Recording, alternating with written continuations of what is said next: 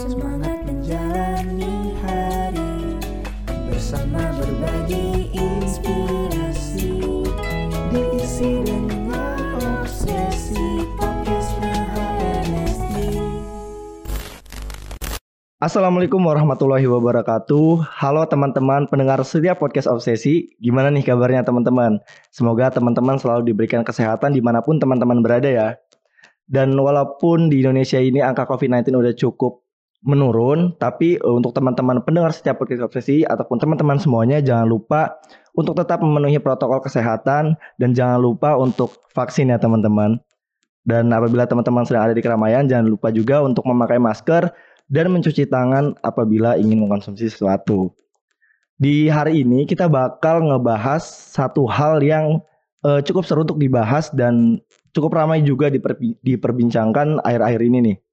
Nah tapi hari ini aku nggak bakal sendirian untuk ngebahas hal ini, tapi aku bakal ditemenin sama dua mas-mas yang keren-keren banget dan jujur aja aku ngidola ini kedua mas-mas ini nih. Ada Mas Acat dan Mas Farel. Nah mungkin eh, dari Mas-Mas bisa perkenalan dulu nih, dimulai dari Mas Acat. Halo Mas Acat. Halo teman-teman, nama aku Acat dari Navi Satya. Diundang nih buat ikutan obsesi asik. Asik. Oke. Siap Mas Acat. Untuk Mas Farel, boleh Mas Farel perkenalan. Oke, halo semuanya. Kenalin, eh, aku Farel, aku dari Navi Satya juga. Yuk, abis ini kita bincang-bincang lagi di podcast ini. Oke, untuk kesibukannya gimana nih Mas Acat sama Mas Farel? Semester ini lagi pada sibuk apa aja nih? Semester ini full senyum ya, sambil S2. Oke, tapi lagi nggak magang gitu nggak ya? Sekarang udah enggak sih, capek lah. Kemarin udah magang. Oh iya, semester lalu udah magang dan duitnya banyak banget nih Mas Acat nih. betul, betul. Kalau Mas Farel gimana Mas Farel? Oke, kalau Mas Acap tadi full senyum, kalau saya sekarang full nangis ya.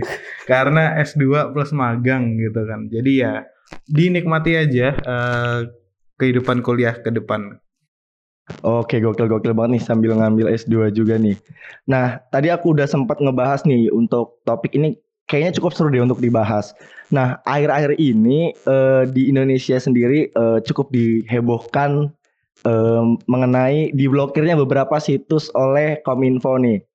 Untuk yang rame sendiri waktu itu yang benar-benar nge-trigger masyarakat ini ketika eh, Yahoo, PayPal, eh, Steam, Epic Games, Dota dan lain-lain itu juga diblokir oleh Kominfo nih karena tidak mendaftarkan pada PSE. Nah, PSE itu sendiri eh, mungkin buat yang belum tahu, PSE itu eh, merupakan setiap orang penyelenggara negara, badan usaha dan masyarakat yang menyediakan, mengelola dan atau mengoperasikan sistem elektronik secara sendiri-sendiri maupun bersama-sama kepada pengguna sistem elektronik untuk keperluan dirinya dan atau keperluan pihak lain. Nah, jadi PSE ini sendiri sebenarnya ada dua lingkup sih, ada lingkup privat dan lingkup publik. Nah, untuk yang lingkup publik sendiri itu mungkin kalau teman-teman tahu kayak aplikasi Peduli Lindungi. Nah, itu kan itu aplikasi yang digunakan untuk urusan publik dan pemerintahan ya. Sedangkan lingkup privat ini ya yang kayak tadi diblokir-blokir itu sih kayak Facebook, Google, WhatsApp, TikTok, Netflix, Gojek dan lain-lain. Nah, untuk yang sempat ramai itu diblokir tuh ada PayPal dan juga Steam nih. Mungkin mas-mas ini main game juga nih. Apa gimana? Gimana gimana Acap dulu deh. Eh, Oke. Main sih, kita kan average gamer enjoyer ya. kita main Valorant sampai Dota juga kita mainin kan di Steam. Nah, ketika Steam itu diblokir, wah, bener-bener tuh pagi-pagi bangun buka Steam kok loadingnya setengah mati ya. Oh ternyata diblokir, lihat Twitter rame, wah langsung diblokir semua Steam. Gila loh pemerintah bisa kayak gitu, ngeri. Tuh, setuju banget. Apalagi kita sebagai mahasiswa, kalau misalkan nggak ada Steam, kita lo mau ke mana lagi? Eh, kalau nggak ada hiburan-hiburan yang ada di, di, eh, laptop gitu kan? Iya, pelarian kita ke mana ya? ya, masa Valorant mulu? iya, iya. Bosan ya, Valorant terus ya. Mm-mm. Asen terus. Nah, eh, selain situs-situs game, ya kan sebenarnya situs game juga nggak gratis ya. Kita masyarakat juga udah pada beli gamenya gitu. Tiba-tiba nggak bisa Hmm. dimainin gitu keblokir nggak bisa dibuka kan. Ini cukup merugikan juga ya. Udah bayar pajak juga. nah betul. Padahal udah bayar pajak juga. Terus juga aku juga punya temen nih yang kayak dia itu freelancer gitu dan biasanya dia untuk transaksi pembayarannya itu pakai PayPal kayak gitu. Tapi karena kemarin sempat diblokir jadi sempat nyangkut juga tuh uangnya dia. Tapi alhamdulillahnya eh, dikasih waktu kalau nggak salah. Sekitar empat hari sama kominfo untuk eh, narik uangnya dulu kayak gitu. Nah terus selain itu juga eh, sempat juga nih untuk oh ya karena karena tadi itu cukup rame jadi eh, dari masyarakat ini banyak yang ini nih eh, kayak menantang lah istilahnya. Netizen ini menantang kalau misalkan gimana nih? Kominfo berani nggak ngeblokir kayak GitHub, GitLab kayak gitu? Karena kalau dicek ternyata mereka juga belum daftar, Daftar. gitu ya di sistem PSE. Nah gimana nih kalau misalkan sampai GitHub berani diblokir gitu sama kominfo gimana nih sebagai mas-mas programmer ini. Gimana nih? Gimana Rel? Aduh, kalau sampai GitHub, apalagi kita kan kuliah di sistem informasi kan. Kalau udah tools-tools yang sering kita pakai diblokir, ya kita hidup aja di zaman goa gitu. Kalau misalkan eh, kita ngoding terus kita bingung, terus kita nggak nemu juga dan harus ke Stack Overflow, mau nggak mau kan akhirnya kita pakai VPN. Nah kalau VPN kan itu artinya kita eh, sebenarnya nggak nyaman internet di eh, daerah kita sendiri. Kita harus mengandalkan keluar yang notabene eh, kita nggak tahu itu apakah VPN itu secure atau enggak. Akhirnya malah nggak terkontrol sama pemerintah. Terus akhirnya kita melakukan tindakan-tindakan yang ilegal hanya demi untuk mengakses halaman yang bisa membantu eh, kehidupan manusia gitu kan. Iya. Apalagi kan GitHub gitu loh. Kita kita bicara GitHub nih ya. Aku aja kemarin sampai bikin VPN sendiri, server sendiri Rel. Di US sana. bikin server di US supaya bisa akses-akses kayak Steam gitu. PayPal ya lumayan lah duit dari PayPal lumayan banyak sih. Bisa dicairin gitu. Nah itu Mas Acat kan emang jago gitu kan. Eh, Sampai bisa bikin VPN sendiri. Padahal kan eh, nggak semua masyarakat Indo itu bisa bikin VPN sendiri. Dan kalau misalkan semu satu Indonesia bikin VPN sendiri kan, ya jadinya sama aja. Eh, harapan pemerintah bisa ngontrol tindakan-tindakan yang masyarakatnya. Sekarang eh, kalau masyarakatnya bikin-bikin sendiri kan, ya nggak terkontrol juga. Jadi iya, sama aja bohong eh, ya. sama aja bohong Hmm. dong. Benar benar benar. Iya, terus juga ini sih eh, selain masyarakat yang terdampak, sebenarnya kominfonya sendiri juga terdampak nggak sih? Kalau misalkan kayak GitHub, GitLab, Stack Overflow sampai diblokir juga, itu gimana nasibnya developer dari kominfo itu sendiri ya? Ya kita bicara aja kan statementnya pemerintah itu kan oh, coba bikin search engine sendiri. Aduh, aduh. Loh, gimana kalau gak ada GitHub gitu kan? Nah, iya. Gimana siapa yang gue bikin gitu? Kalau kita cuma sendiri terus push-push sendiri ya artinya nggak ada open source dong. Ada jadi ada tirani gitu kan jadinya. Ini suatu, aplikasi dikuasai oleh sendiri tapi tidak dibuka oleh masyarakat. Ini benar-benar aneh sih menurut aku. Lagi pula sekarang udah ada eh, suatu software yang eh, dibuka untuk memudahkan kita, tapi malah sekarang kita akan balik ke zaman purba yang software itu belum ada. Contoh kan kayak GitHub. Harusnya kita udah bisa eh, commit dan segala macam yang berguna dan efisien gitu kan. Kalau misalkan datanya hilang bisa dipanggil dengan mudah, cepat. Lah kalau misalkan diblok dan nggak bisa diakses, masa kita kirim ke WA? Ya, WA-nya juga terancam diblokir karena WA sempat ini juga dia Nah. belum ngedaftarin. Nah ya itu terus mau pakai apa SMS kagak bisa. Waduh, kocak juga kalau misalkan sampai kirim kodenya lewat SMS ya. Eh atau enggak gini ketika misalkan ada error gitu di eh, sistemnya Kominfo, terus ternyata pimpinannya nyuruh untuk orang IT-nya nge troubleshooting gitu. Ternyata jawaban dari orang IT-nya sebentar Pak, saya cari dulu nih eh, errornya di Stack Overflow. Overflow-nya diblokir. Error juga diblokir. iya, aneh banget kalau kayak gitu. Nah, eh, tadi Mas Acat juga sempat ngebahas tentang ini nih, search engine Search nih. engine. Iya, karena sebelum itu, sebelum situs-situs itu diblokir, Facebook, Twitter, sama Google juga sempat diperingatin sama eh, Kominfo untuk segera mendaftar di PSE. Dan juga eh, kalau misal- misalkan sampai kejadian gitu, Google sebesar Google search engine yang emang hampir semua masyarakat pakai gitu dan diblokir gitu sama Kominfo, kita mau pakai search engine apa lagi gitu. Nah, ini dia yang menarik nih karena ternyata menterinya ini Pak Johnny G Plate ini sempat ngeluarin statement kalau misalkan kita sebagai bangsa Indonesia ini harus mampu juga untuk ngebuat search engine-nya sendiri. Kayak dikasih nama gitu Gatot Kaca. Asik. Iya, search engine buatan Indonesia Gatot Kaca. Gatot kaca. Nah, sebelum ngebahas mengenai mampu apa enggak Indonesia ngebuat search engine, kalau dari eh, pengetahuan Mas-mas sendiri nih, cara kerja dari search engine itu sendiri gimana sih? Oke, seperti yang kita tahu dan udah banyak juga nih diulas gimana sih cara search engine tuh kerja. Yang jelas eh, mereka search engine tuh pasti yang namanya mengumpulkan eh, data informasi dulu dari semua eh, dari segala pihak gitu kan. Mereka melakukan eh, crawling datanya, collecting datanya. Terus eh, setelah itu gimana data ketika udah disimpan pasti kan harus di diarsip ya. Ibarat kita kalau ke perpus tuh kan buku kita nggak mungkin sebanyak itu kita naruhnya nggak rapi gitu. Nah, gimana cara ngerapinya itu ya pakai namanya indexing. Jadi kita eh, runtutkan, kita rapikan data-data yang ada di database dan itu kalau misalkan satu dua is okay lah satu juta data dua juta data, data itu is okay.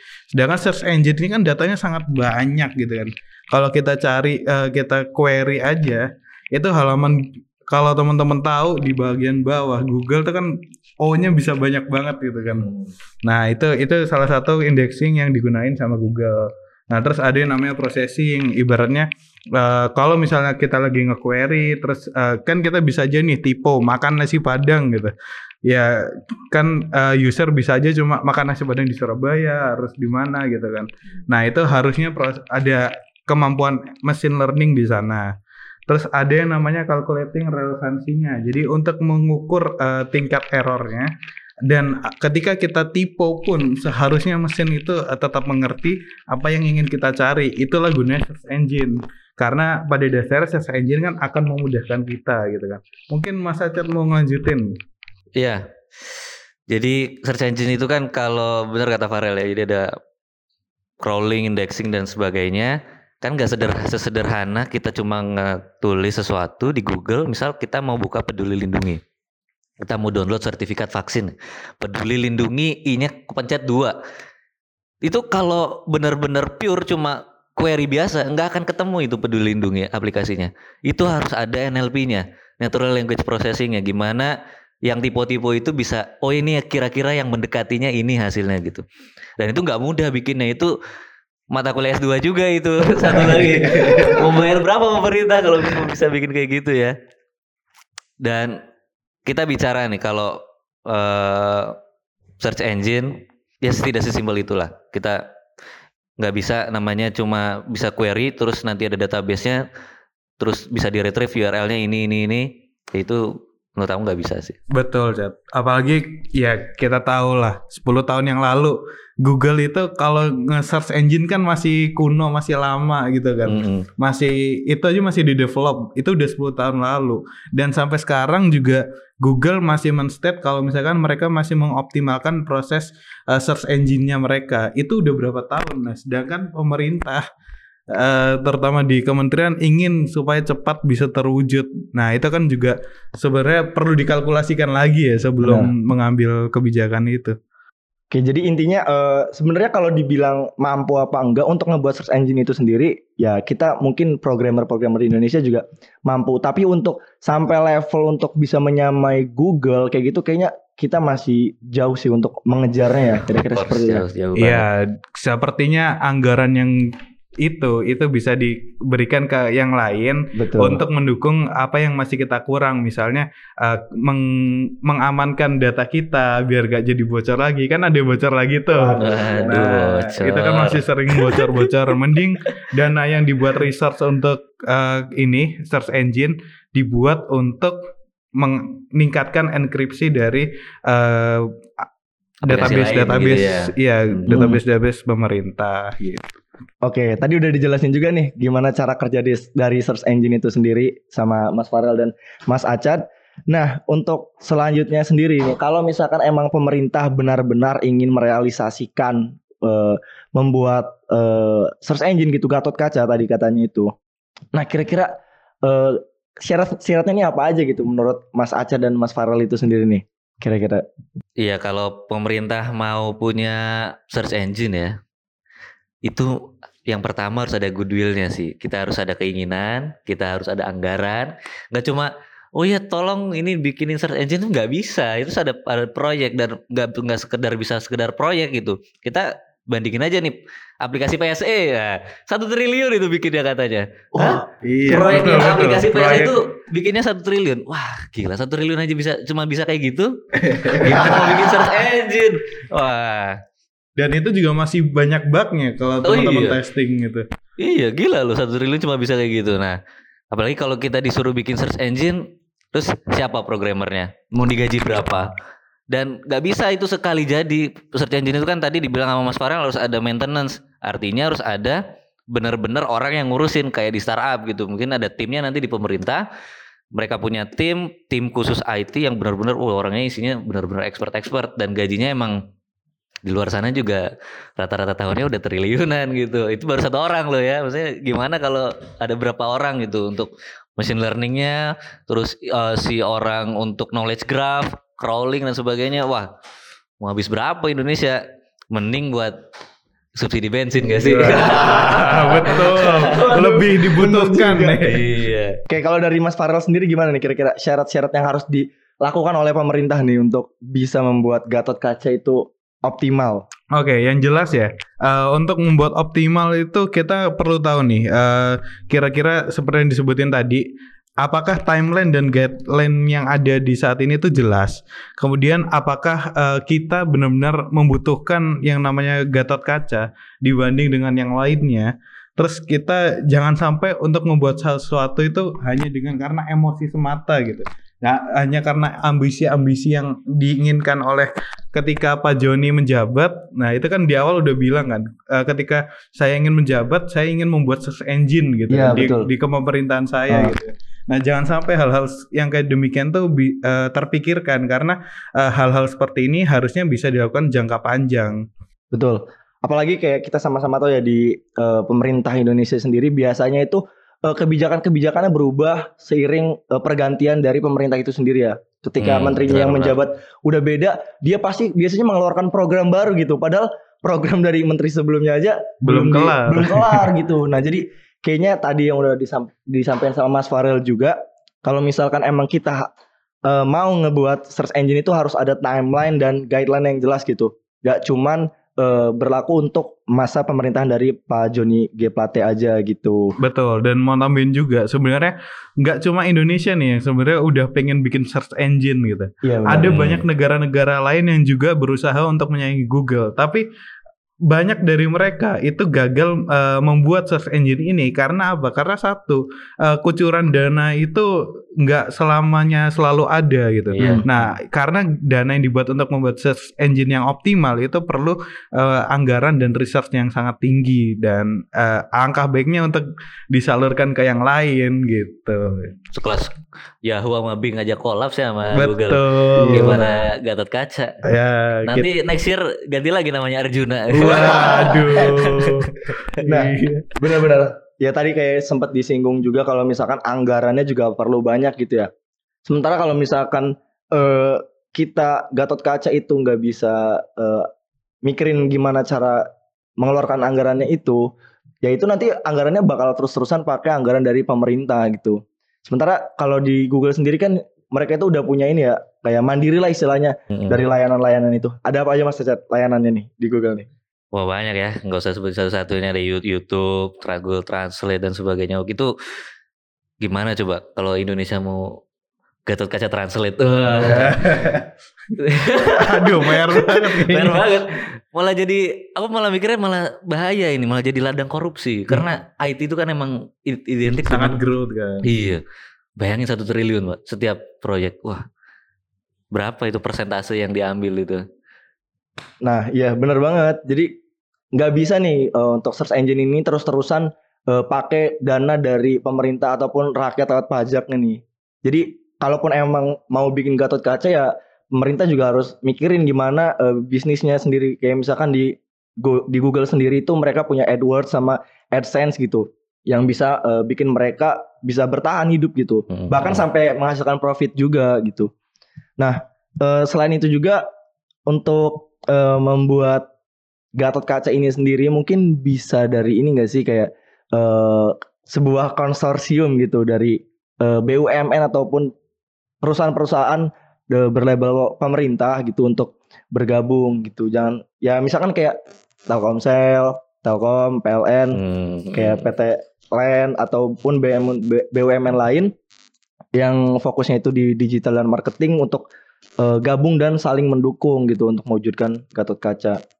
Oh iya, sebelumnya juga ini gak sih eh, dari netizen juga ada yang sempat ngerujak pemerintah itu loh, yang mereka coba bikin search engine itu loh, yang Oh iya iya. iya. eh, Beneran ta- dijadiin ya. iya, di, di, diwujudin sama netizen. direalisasikan Iya. gitu. Tapi ternyata pas dipakai gimana Mas Arul?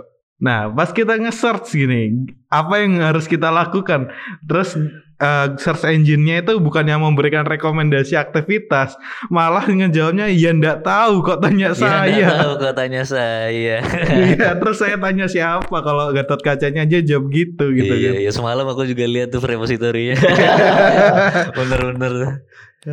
Nah iya tapi sebenarnya untuk membuat sebuah apa ya konsorsium ini juga mm, nggak mudah sih karena Betul. kayak perusahaan-perusahaan Telkom sendiri Telkom lah let's say Telkom dia itu eh, track recordnya itu belum cukup bagus gitu untuk ngebuat ngebuat sebuah portal kayak dulu tuh di Telkom itu sempat ada plaza.com Hmm. sebelum ini ya cukup bertahan lama sih sebelum ada Yahoo dan Gmail. Nah tapi eh, crowd dari si Plaza.com itu nggak cukup bertahan nih sampai eh, untuk membuat suatu ekosistem yang di dalamnya itu search engine itu eh, dan portalnya itu bisa dimanfaatkan oleh orang banyak di Indonesia kayak gitu. Ya walaupun Telkom sebenarnya punya kemampuan cukup baik sih untuk hal konektivitas gitu, tapi untuk produk-produk digitalnya sendiri kayaknya masih kalah nih sama produk-produk lainnya dan perlu ditingkatin lagi. Iya, mau ngikis berapa revenue Telkom nanti kalau kita maksain Telkom harus punya divisi baru, bikin Google, Nah, itu. Gatot Kaca. Oh iya. Revenue di- dikurang lagi tuh revenue-nya. Nggak mau dong Telkom masa sih? Nah, eh, sistem yang udah ada sendiri PSE sendiri ini sebenarnya apa ya masih masih belum bekerja dengan baik gitu loh. Bahkan kayak sekelas judi online. Nah, itu ternyata bisa sampai tembus gitu. Bisa sampai tembus terdaftar dan ya dari dari eh, pemerintahnya yang ngebilang yang katanya itu Permainan iya, nih. permainan lah apa katanya bilang katanya itu permainan malah Iya. tuh situs judi online gitu. Jadi ya alangkah baiknya sistem yang ada eh, bisa diperbaiki dulu gitu ya eh, untuk yang ada sekarang gitu. Betul sekali. Jangan tapi gimana ya? Sistem PSI sendiri ini sebenarnya sebegitukah perlu atau gimana nih menurut Mas Agak Aceh? agak kocak sih sebetulnya sistem PSE itu. Kenapa? Karena dia prinsipnya apa sih sebetulnya? Kalau biasanya kan prinsip pemblokiran itu open all tapi blokir sebagian kan. Betul. Tapi open all defaultnya. Ini nggak jelas gitu. Kadang ada yang dibuka, kadang ada yang ditutup. Google tuh Google ditutup misal. Tapi judi online dibuka. Terus apa? Kenapa harus ditutup Google gitu? Nggak jelas dia nggak konsisten antar ininya prinsipnya gitu. Kan sebenarnya harapannya ada PSE itu kan dia untuk melindungi masyarakat dari konten-konten yang eh, nggak jelas gitu kan, Betul. konten-konten yang tidak berguna gitu. Dengan cara ngeblok semua harusnya kalau dulu itu kan pemerintah ngeblokin website-website yang ilegal gitu-gitu kan. Karena sifatnya open all. Tapi sekarang itu dengan ada PSE semua itu dibalik. Eh, seluruh website itu sifatnya eh, di restrict jadi kita nggak boleh akses dan hanya boleh akses website-website tertentu. Padahal eh, banyak developer-developer awal yang belum memiliki badan hukum itu kan juga pengen membuka websitenya akan jika PSE ini benar-benar diterapkan itu malah berpotensi untuk eh, meminimalisir untuk meminimalkan kemunculan website-website atau ide-ide baru dari Iya, masyarakat itu sendiri Hmm. nggak sih? Ini namanya blokir informasi. Betul. Kalau blokir informasi artinya bisa kayak pencucian otak karena kita cuma mengkonsumsi konten-konten yang diizinkan oleh Betul. pemerintah. Kalau yang konten-konten lain yang baru, ide-ide baru tidak dibuka, ya kita ya gini-gini aja hidup gitu. hidup kagak berkembang. Jadi kita nggak berkembang, penelitian gak berkembang, mau gimana gitu kan? Nah itu dia. Iya sih, benar. Ya itu tadi udah sempat disebutin juga sama mas-masnya kalau misalkan eh yang nggak jelas itu ya dasarannya ngeblokir eh, situs-situs itu apa. Jadi kayak sekarang semua direstrik dulu baru diizinin gitu. Sementara sebenarnya eh, yang di blokir-blokir ini juga ya tadi punya eh, untuk kepentingan hajat orang banyak lah gitu. Bahkan situs-situs yang penunjang kerja juga sempat diblokir gitu ya. Iya, terancam. Terus ntar kalau yang kerja di Kominfo kerjanya ngapain? Iya. Masa Microsoft Office Oh, diblokir diblokir juga Iya, gitu kan. LinkedIn gitu buat kita cari kerja sempat mau diblokir juga. Adobe untuk desainer kayak gitu atau Canva, Figma juga itu sempat mau diblokir juga gitu. Nah itu kan apa ya? Kayaknya kurang bijak gitu kalau misalkan sampai Iya, harus bijak ngeblokir kayak Dan gitu. terutama ini loh, ketika uh, pemerintah kurang biji, uh, ingin melaksanakan PSE, kenapa sih kok pemerintah langsung ngekat dulu? Kenapa kok kita nggak coba transisi dulu beralih ke platform lain? Misalnya kita WhatsApp diblokir, kenapa kok nggak kita tuh uh, beralih ke misalnya ke Line dulu, ke WeChat dulu, atau aplikasi-aplikasi yang benar-benar bisa dipakai hingga stable? Dan ketika stable itu baru pemerintah uh, harusnya uh, bi- bisa untuk mengambil tindakan itu. Kenapa? Karena Iya. contoh kalau PayPal tiba-tiba di-cut dan nggak ada alternatif lain yang digunakan sebagai standar dunia, itu kan akhirnya freelance juga kocar kocar kacir. Masa kudu pindah eh, ke bank lain, ke kartu kredit lain atau Iya. yang lain, Malah- American Express malah gitu. mengeluarkan freelance freelance pendapatan Indonesia dari luar diaspora diaspora ke Indonesia itu kan mungkin beberapa lewat PayPal gitu. Kalau PayPalnya diblokir, ya aduh, yang mending pindah pindah negara aja. Nah kalau pindah negara penerimaan Indonesia juga kurang dong. Iya, ntar sepi dong. Sepi. ah, gimana tuh? Iya, malah takutnya ini kalau misalkan hal-hal yang produktif itu juga diblokir, malah nanti masyarakat Indonesia semuanya itu bergantung ke pemerintah. Dia nggak bisa mandiri untuk misalnya menciptakan lapangan kerja, cari kerja. Nah, kalau misalkan semua semua diblokir, mau ngapain lagi kita Ya, gitu? nggak mau kita, maksudnya kita nggak nggak nggak betah gitu hidup di hidup seperti itu. Gitu. Ganti kali ya. Iya. Heeh. Jadi ya itu sih mungkin sebelum memblokir blokir itu harus dipertimbangkan lagi ekosistemnya itu juga terdampak gitu nggak cuman aplikasi itu aja yang diblokir tapi akan eh, berpengaruh lah ke yang lain-lainnya juga gitu ya kan. Betul sekali. Ya tapi kita juga tentu optim apa ya sikap optimis dari pemerintah ini juga sebenarnya perlu didukung juga gitu. Walaupun ya tetap harus dikontrol juga gitu. Jangan jangan sampai emosinya eh, yang sesaat itu bisa apa ya malah bikin kita kayak kita harus bisa nih bikin kayak Google gitu menyaingi terus Google diblokir gitu.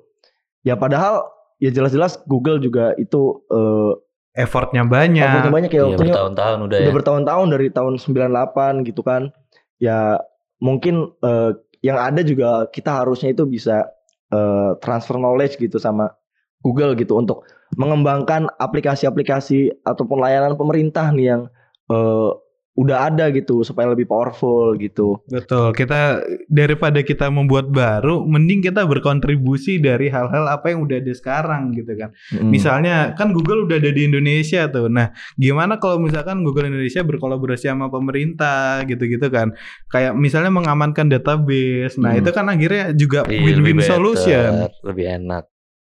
Betul betul. Oh iya. Oh iya ini so- ada yang denger juga gak sih kalau misalkan pemerintah selain pengen bikin search engine juga sempat ada wacana untuk menggabungkan layanan-layanan pemerintah ke dalam satu aplikasi super apps lah kayak gitu istilahnya. Betul. Aduh. Itu tadinya itu ada 24 ribu Ini katanya. Ada 24 ribu layanan yang terpisah-pisah. Ini Nah, sebagai developer nangis sih.